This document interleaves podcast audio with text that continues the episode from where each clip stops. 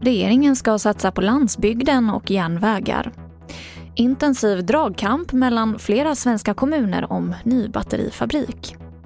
Och två av tre svenskar undviker att ta ställning i samhällsfrågor på nätet.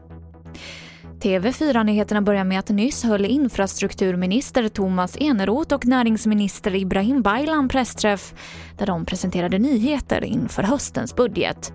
Regeringen tillför omkring 5,7 miljarder kronor per år till landsbygd och jordbruk i budgeten. Och det ska även satsas på veterinärer och på järnvägen. Och därför så genomför vi nu den största järnvägssatsningen i modern tid.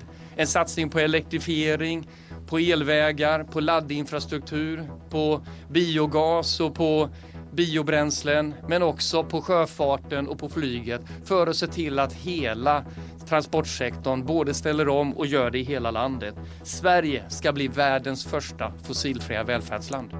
Och här hörde vi infrastrukturminister Thomas Eneroth. Efter Northvolts etablering i Skellefteå där man just nu bygger Europas största batterifabrik så planerar Volvo Cars och Northvolt redan för att bygga ännu en batterifabrik i Sverige med uppemot 3000 anställda.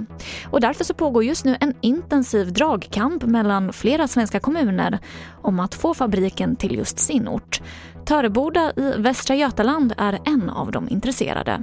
Nej, men vi har presenterat vilka förutsättningar vi har och sen får vi se vad de kommer tillbaka med om vi nu blir aktuella i den utvärdering som sker.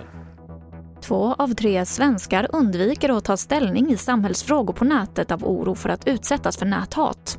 Det här visar en ny rapport som tagits fram av bland annat Insight Intelligence som SR rapporterar om.